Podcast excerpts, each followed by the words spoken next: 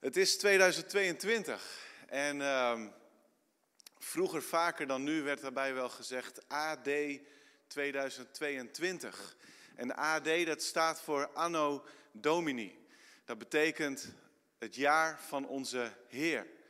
En we weten niet wat 2022 gaat brengen, maar we weten wel wie erbij zal zijn. En daarom zeg ik in het volste vertrouwen ook tegen iedereen: gelukkig, een vreugdevol vredig nieuwjaar toegewenst.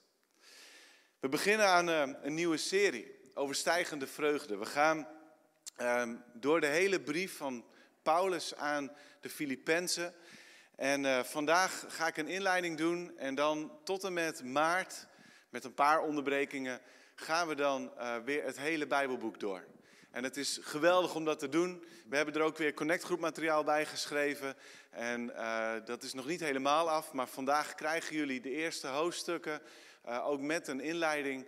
En uh, het is gewoon mooi als het gaat samenwerken. Wat we op zondagochtend horen, wat we op de connectgroepen doen, wat je thuis persoonlijk in je stille tijd met God kan doen. Ehm, het, is, het is heel krachtig. Daar leren we van, daar groeien we van. En ik geloof echt dat discipelschap zoveel meer is dan een goede preek horen. Het gebeurt wanneer preken en gesprekken en elkaar tot voorbeeld zijn samenkomen, dan is er sprake van discipelschap. Dan kunnen we groeien. Dat betekent dat je op zondag een goede uitleg hoort. Dat je wordt geïnspireerd door de woorden, dat je praktische handvaten krijgt. En dat gaat als het ware in je om, in je, in je hoofd, maar ook in je gebed. En dan kom je samen en dan spreek je erover met een vriend, een vriendin, een, uh, met je connectgroep. En ja, dan, dan leer je bijvoorbeeld dat één iemand van je connect uh, een super voorbeeld is om steeds weer, in welke omstandigheid dan ook, een bron van vreugde aan te boren. Of iemand anders is een, een prachtig levendig voorbeeld van echte dienstbaarheid. En zelf kun je misschien anderen inspireren als je vertelt over jouw gebedsleven. Ik, ik, ik denk dat het duidelijk is wat ik bedoel. We zijn allemaal discipelen en dat betekent dat we allemaal iets te leren hebben, dat we een gebied in ons leven hebben waar het nodig is dat we groeien, dat we ontwikkelen. Maar uh, we kunnen ook zelf andere mensen ergens inspireren en helpen groeien. En dat is wat we gaan doen de komende maanden met overstijgende vreugde, met de Filippense brief. En ik wil in deze inleiding gewoon heel simpel een, een aantal belangrijke kenmerken van de brief delen. Uh, een stukje achtergrondinformatie wat helpt om alle afzonderlijke delen beter te begrijpen. Het eerste kenmerk van de Filippense brief is de stad. De stad waar de brief naartoe gaat. Het is een strategische stad om Europa te bereiken. Filippi was in de tijd dat Paulus er kwam, ongeveer in 52 na Christus, was een welvarende, rijke stad. Het was de districtshoofdstad van de provincie Macedonië. En het lag in, de, in, in, in een breuk, in een kom van uh, de bergrug die Europa en Azië van elkaar scheiden. En het lag daar aan de hoofdweg, de Oost-West handelsroute, de Ignatiusroute werd die wel genoemd. En het lag daar precies tussen twee werelddelen in. In 356 voor Christus had uh, Philippus, um, Philippus van Macedonië, de vader van Alexander de Grote, die had die stad ingenomen. En zoals het dan gaat, dan noem je zo'n stad helemaal naar jezelf. Dus het werd Filippi. In 168 voor Christus hebben de Romeinen uh, het, het, veroverd. En in 42 voor Christus zei toen nog Octavianus, later werd dat keizer Augustus, die zei: Dit is een, een, een belangrijke stad voor ons rijk. Het wordt een, um, een Romeinse kolonie, een militaire voorpost. En iedereen die hier woont, die krijgt dezelfde voorrechten als inwoners van Rome en Italië. Nou, de ligging van, van Filippi maakte dat het van strategisch belang was voor de verdere verspreiding van het evangelie. We zien tijdens de tweede zendingsreis dat Paulus door Klein-Azië gaat en dat hij naar Bithynië wil. En dat de Heilige Geest zegt, nee, daar moet je niet naartoe. En dan is hij een beetje zoekende samen met zijn reisgenoten, waar moeten we nu naartoe? En dan maakt de Heilige Geest hem duidelijk in een droom door een man vanuit Macedonië. En die wenkt hem en die zegt, kom ons te hulp. En op die uitnodiging, door die leiding, trekken ze naar Filippi. Er staat in Handelingen 16, vers 11 en 12, we gingen in Troas aan boord van een schip. We zetten rechtstreeks koers naar Samothrake. De dag daarop voeren we verder naar Neapolis. Vandaar reisden we naar Filippi, een belangrijke stad in dat deel van Macedonië. In deze stad, die volgens Romeins recht wordt bestuurd, bleven we enkele dagen. In Filippi wordt het evangelie voor het eerst, in ieder geval voor zover we weten, wordt voor het eerst met Europeanen gedeeld. En daar mogen we God en Paulus tot op de dag van vandaag dankbaar voor zijn.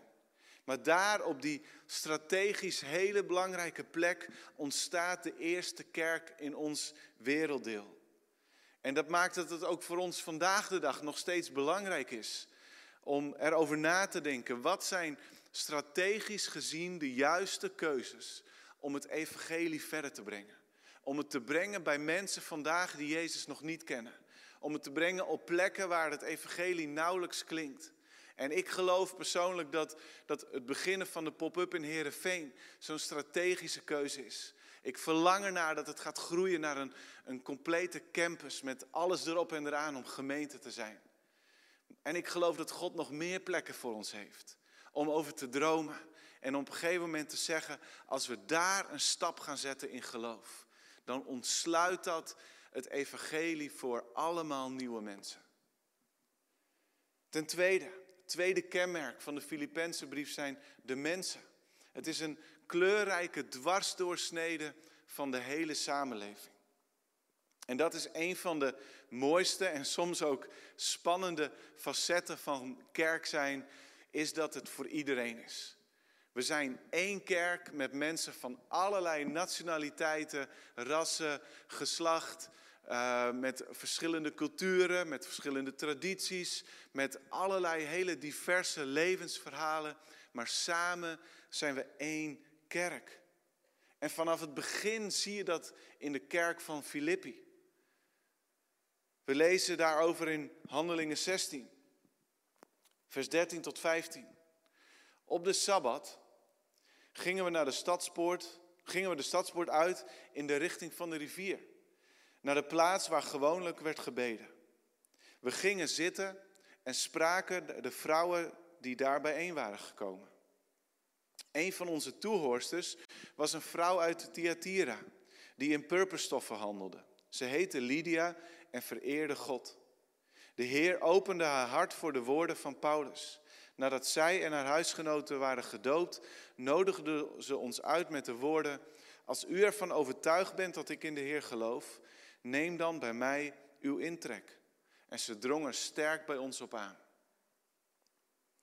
Waarschijnlijk was de gemeenschap, de Joodse gemeenschap in Filippi klein. Zo ontzettend klein dat het niet lukte om de vereiste tien mannen bij elkaar te brengen om echt een synagogedienst te kunnen hebben. En daarom waren er vrouwen die samenkwamen daar bij de rivier voor een wekelijkse bidstond.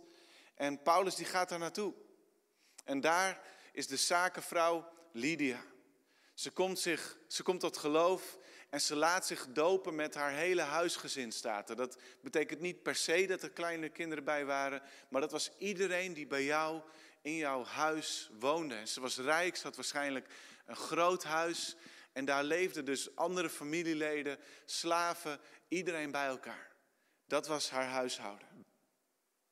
En dan de volgende persoon waarover we lezen, die de kracht van Gods koninkrijk ervaart, is een eenvoudige slavin, waar iedereen op neerkeek. Er staat in vers 16 en 18 een andere keer, toen we weer op weg waren naar de gebedsplaats, kwamen we een jonge slavin tegen, die bezeten was door een geest en zo de toekomst kon voorspellen. En dan loopt ze de hele tijd roepend erachteraan en dan staat het, toen Paulus daar genoeg van kreeg, draaide hij zich om En hij zei tegen die geest, ik beveel je in de naam van Jezus Christus, verlaat haar. En op datzelfde moment ging de geest uit haar weg. Geweldig. En dan een derde persoon.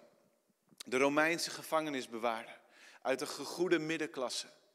Paulus en Silas die hebben die slavin bevrijd en dan worden ze gevangen genomen omdat de eigenaren van die slavin heel veel geld verdienden met die waarzeggende geest.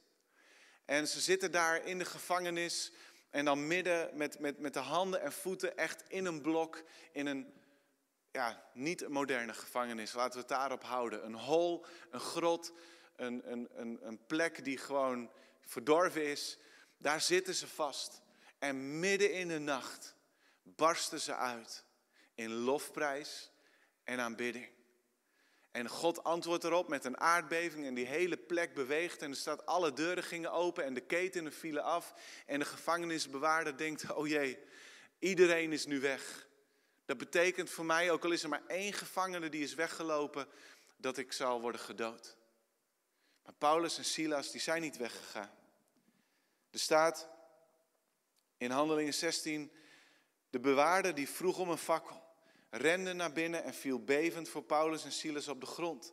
Hij bracht hen naar buiten en hij vroeg, heren, wat moet ik doen om gered te worden? Ze antwoordden, en dit is een antwoord aan iedereen die zich afvraagt, wat moet ik doen om vandaag gered te worden? Het is heel eenvoudig. Geloof in de Heer Jezus. En u zult gered worden. U en uw huisgenoten. En ze verkondigden de boodschap van de Heer aan hem en aan iedereen die bij hem woonde. En hoewel het midden in de nacht was, nam hij hem mee en maakte hun wonden schoon. Meteen daarna werden hij en zijn huisgenoten gedoopt. Een Joodse zakenvrouw, een uitgebuite slavin en een Romeins gevangenisbewaarder. Ze vormen met elkaar een dwarsdoorsnede van de toenmalige samenleving. En Nicky Gumbel die zegt daarover heel treffend, lezen jullie mee, drie verschillende nationaliteiten en drie verschillende lagen van de bevolking gaven blijk van het alles omarmende geloof dat Jezus Christus had gebracht. En ook Leeuwarden en Heerenveen, Friesland, Nederland is veelkleurig. Het evangelie is voor iedereen om ons heen, op de plek waar wij wonen. En je vraagt je misschien af hoe je ooit door het panzer van je collega heen komt. Hoe je de weerstand van je buurman weg kunt nemen. Hoe je de moeilijke vragen van een familielid opnieuw kan beantwoorden. Hoe je überhaupt een beetje diepgang kan krijgen met je teamgenoten. Maar zoals God met Paulus was, is God ook met ons. Zoals God vanaf het begin in Europa een veelkleurige kerk bouwde, zo wil Hij dat ook vandaag doen in Friesland. En jou en mij daarvoor gebruiken. Het derde kenmerk van de Filipense brief betreft de inhoud. Het is een warme, persoonlijke, dankbare brief. Als je de brief in één keer doorleest, dat kan ongeveer in 15 tot 20 minuten, dan valt je meteen iets op. Er is een hele warme, vreugdevolle, dankbare toon. En Paulus spreekt net als in zijn andere brieven echt wel een paar dingen aan. Dat hij denkt van, hé, hey, daar moeten jullie de leer goed hebben. Of pas erop dat jullie één blijven. Maar het is minder aanwezig. En veel meer op de voorgrond staat de bemoediging, staat de dankbaarheid. Paulus is meerdere keren financieel, maar ook door persoonlijke bezoeken en, en hulpverlening is hij geholpen door deze gemeente. En dat, en dat merk je. Hij uit zijn diepe dankbaarheid. Hij is altijd met hun bezig. Hij verlangt ernaar om hen weer te zien. Een, een greep van een paar woorden uit de Filipense brief. In hoofdstuk 1. Ik dank mijn God altijd wanneer ik aan u denk. Telkens wanneer ik voor u allen bid. Dat doe ik vol vreugde, omdat u vanaf de eerste dag tot nu toe hebt bijgedragen aan de verspreiding van het evangelie. Hoofdstuk 2. Het spreekt vanzelf dat ik zo over u denk, want u allen ligt me na aan het hart. Het zal mij goed doen, zegt hij verderop, te weten hoe het met u gaat. En als laatste, daarom dierbare broeders en zusters die ik lief heb en naar wie ik verlang, die mijn vreugde en erekrans zijn, blijf standvastig in de Heer. Polycarpus, een christelijke bisschop uit de vroege kerk, een martelaar uit de beginperiode, die vertelde dat Paulus overal ter wereld opschepte over de Filippenzen. Hoe mooi is dat? En zouden wij dat ook niet wat vaker kunnen doen? Over onze kerk, over elkaar. Ik ben dankbaar. Ik verheug me samen met hen. Ik verlang ernaar om met hen te zijn. Ik geniet van mijn connectgroep. Enzovoort, enzovoort.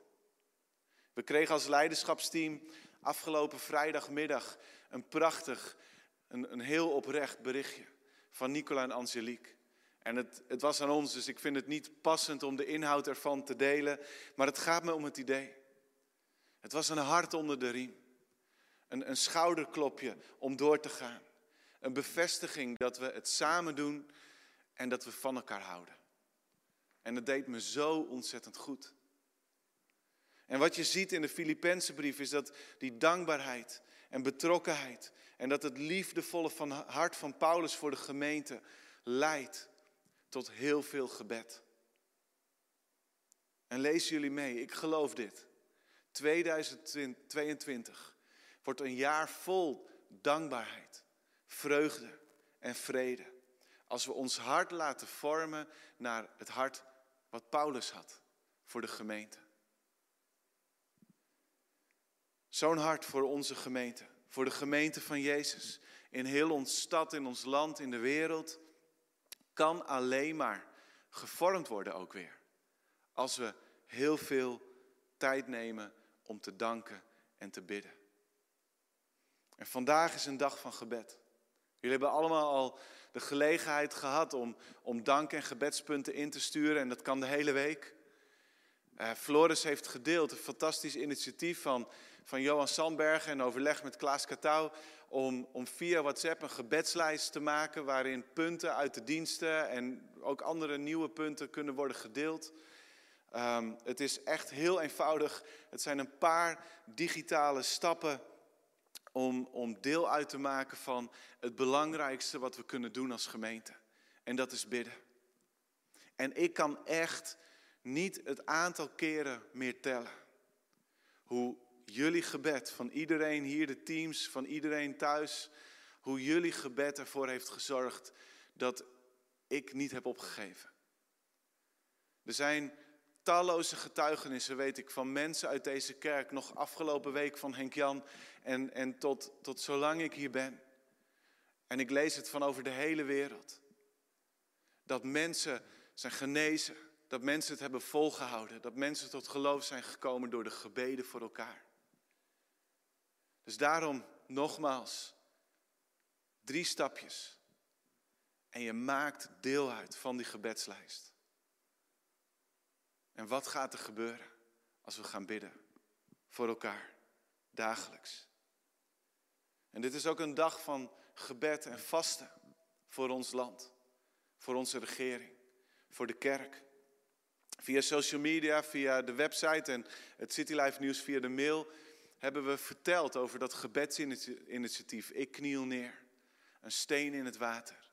Jan Pol, die, die echt op zijn hart had om dat te gaan delen. En tienduizenden gelovigen uit ons land doen mee. En vasten vandaag. En bidden vandaag. Om de focus te hebben op God. Om de aandacht te richten op Jezus. Om door ons gebed een steen in het water te gooien. Waarvan de effecten uitdijen en uitdijen door alle lagen van onze samenleving. En ik geloof dit een vruchtbare opstelling naar ons land en de regering. Naar het Outbreak Management Team en de WAPPI. Naar de GGD-medewerker en de vandaal.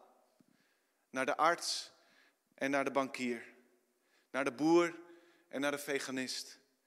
Naar wie dan ook. Die valt onder de Bijbelse categorie alle mensen. Die vruchtbare houding komt alleen tot stand als we gaan bidden en danken bij voorbaat.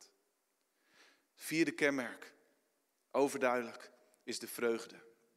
Vanuit gevangenschap is het een brief vol vreugde. De brief aan de Filippenzen behoort tot de gevangenisbrieven. Samen met Efeziërs, Colossense en Filemon is het geschreven vanuit een gevangenis. En heel veel Bijbelwetenschappers zijn het erover eens dat het Rome moet zijn. Er zijn hele goede argumenten vanuit de brief en vanuit de kerkgeschiedenis om dat te zeggen. Er zijn ook een aantal hele goede argumenten om te zeggen hij zat in Efeze gevangen op dit moment. Maar dat maakt eigenlijk niet zoveel uit. Paulus zat gevangen. Hij zat mogelijk vastgeketend aan een bewaker in huisarrest. Hij kon niet gaan en staan waar hij wilde. Hij was vals beschuldigd en hij, hij moest al jaren wachten tot er een oordeel zou komen. Hij werd altijd bewaakt. Hij was voor zijn dagelijkse onderhoud afhankelijk van mensen die hem, iets met hem wilden delen. Hij kon niet doen wat hij het liefst deed: reizen naar nieuwe gebieden en het bezoeken van kerken die hij had gesticht. Het waren omstandigheden die niet vanzelfsprekend leidden tot een brief als die aan de Filippenzen. En toch, dit is de Paulus die midden in de nacht uitbarstte in lofprijs en aanbidding. En die geest, die houding, is hij nog steeds niet kwijt, elf jaar later. Hij schrijft vanuit de gevangenis een brief die overloopt van vreugde. En daarom heet deze serie Overstijgende Vreugde. Ik had al een tekst met vreugde gelezen uit hoofdstuk 1. Ik kan er gemakkelijk uit alle andere hoofdstukken een tekst pakken. Laten we een paar lezen. Wees dus ook vol vreugde, zegt Paulus, samen met mij. Voor het overige broeders en zusters, laat de Heer uw vreugde blijven. Ik heb er geen moeite mee dat opnieuw aan u te schrijven, want ik doe het voor uw eigen bestwil. Laat de Heer uw vreugde blijven. Ik zeg u nogmaals, wees altijd verheugd. En let wel, dit gaat niet om oppervlakkige blijdschap. Deze vreugde is niet onrealistisch of naïef. En alsjeblieft, het is ook niet zo dat je nooit bedroefd of angstig of onzeker mag zijn. De vreugde waarmee Paulus zich verheugt, komt diep van binnen. En blijdschap of vreugde in al zijn volheid is alleen maar te vinden in Jezus. Matti, een van onze oudere gemeenteleden, daar was ik van de week en die stuurde mij daarna een, een, een klein stukje uit een uh, bijbelleesplan wat ze leest. Over de Filipense brief. En daar staat, wanneer je de standvastige keuze maakt, een relatie aan te gaan met Jezus. En je onderwerpt aan zijn heerschappij en gezag. Dan maak je tegelijkertijd de keuze om vreugde in je leven te ontvangen. Vreugde is niet afhankelijk van je salaris, de goede staat van je relaties of de plaats waar je woont. Vreugde is afhankelijk van je keuze voor Hem in elke moeilijke omstandigheid. In mijn eigen woorden. We komen tot overstijgende vreugde als we steeds weer binnen laten komen wie Jezus is en wat Hij heeft gedaan. Omdat alles wordt overtroffen door het kennen van Jezus. En daarom nodig ik je uit om in 2022 iedere week bij ons te zijn. Online en als het weer kan, fysiek. Alsjeblieft, kom. Niet voor mij, niet voor de kerk, niet voor de aantallen, maar om je relatie met Jezus en je kennis van Hem te vergroten. Door gezamenlijke aanbidding, gezamenlijke prediking, gezamenlijke ontmoeting. En ik weet dat ik het nodig heb. En als ik heel eerlijk ben, ik geloof dat jij, ik geloof dat wij het allemaal nodig hebben. Het laatste kenmerk van deze brief gaat over de verhoudingen. Iedereen is gelijkwaardig en een dienaar van de ander. Dit is zo'n sleutel tot de Filipense brief. En je ziet het meteen vanaf het begin, als Paulus begint te schrijven, dan heeft hij het niet over de heilige Paulus, de kerkstichter, aan de mensen van Filippi. Maar hij heeft het over van Paulus, de dienaar. En Timotheus, laten we het gewoon lezen uit Filippenzen 1. Daar staat van Paulus en Timotheus, dienaren van Christus Jezus. Aan alle heiligen in Filippi, die één zijn met Christus Jezus. En aan de leiders en de dienaren, de diakenen van de gemeente. Zo mooi. Geen hoogdravende taal, geen bevestiging van zijn status. Maar de Filippenzen, dat zijn de heiligen. En natuurlijk is er sprake van leiderschap in de gemeente. Die worden zelfs genoemd, al is het op de laatste plaats. Maar leiders mogen nooit heersers of overheersers worden. En niet iedereen is gelijk in de zin dat we allemaal dezelfde functie of verantwoordelijkheid dragen. Maar iedereen is volledig gelijkwaardig. 100%. En iedere gelovige, wat je functie of je verantwoordelijkheid is, is, is geroepen om een dienaar te zijn van alle anderen. En iedereen heeft ook alle anderen nodig. We hebben elkaar nodig. We kunnen niet zonder elkaar. In vers 3 en 5 van het hoofdstuk 1 daar staat: Ik dank mijn God vanwege uw gemeenschap aan het evangelie van de eerste dag tot nu toe. En daar staat voor dat woord gemeenschap in het Grieks koinonia. Een aantal van ons kent dat woord wel. Het wordt vaak vertaald met iets als gemeenschap. En we denken daarbij vaak ook aan ontmoeting of gebed voor elkaar of we gaan samen zingen. En dat is allemaal super belangrijk.